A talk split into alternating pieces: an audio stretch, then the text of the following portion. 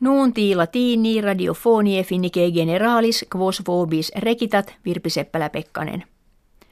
Anno bis millesimo septimo decimo finnia independentiam secularem celebrat. Festivitates kve kirkiter duobus milibus in keptis constant per totum annum tam in patria quam peregre instituentur.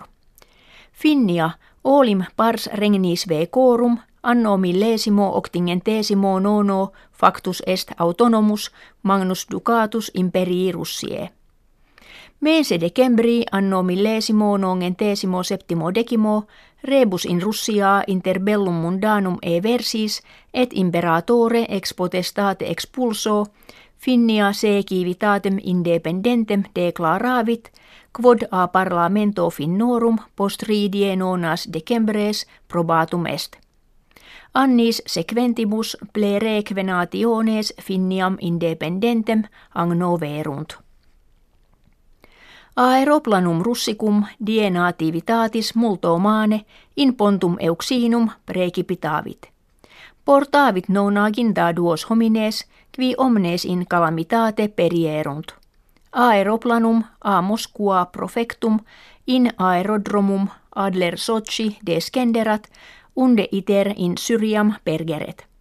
Sed Paulo post, quam inde avolavit, causa ad hoc incognita, ex radar disparuit.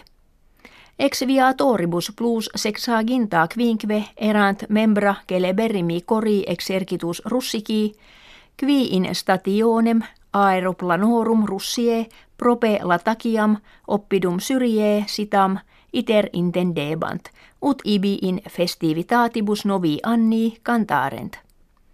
Presidens Vladimir Putin jussit, ut die sancti Stefani, luctus publicus in tota Russia esset.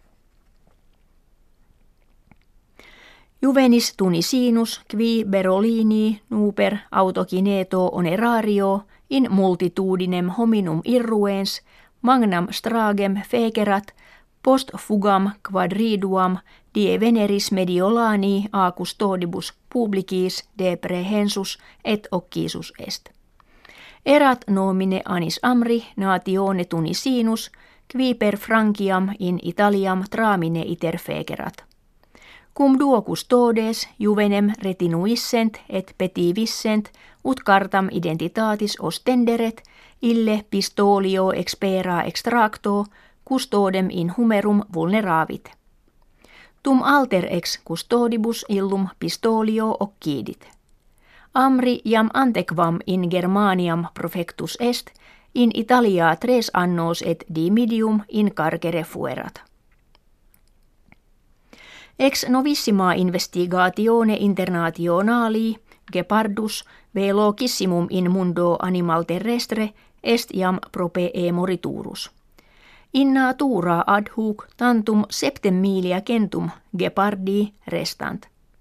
Major pars populationis per sexterras Africae meridionalis dispersa vivit in Irania minus quinquaginta restare estimantur.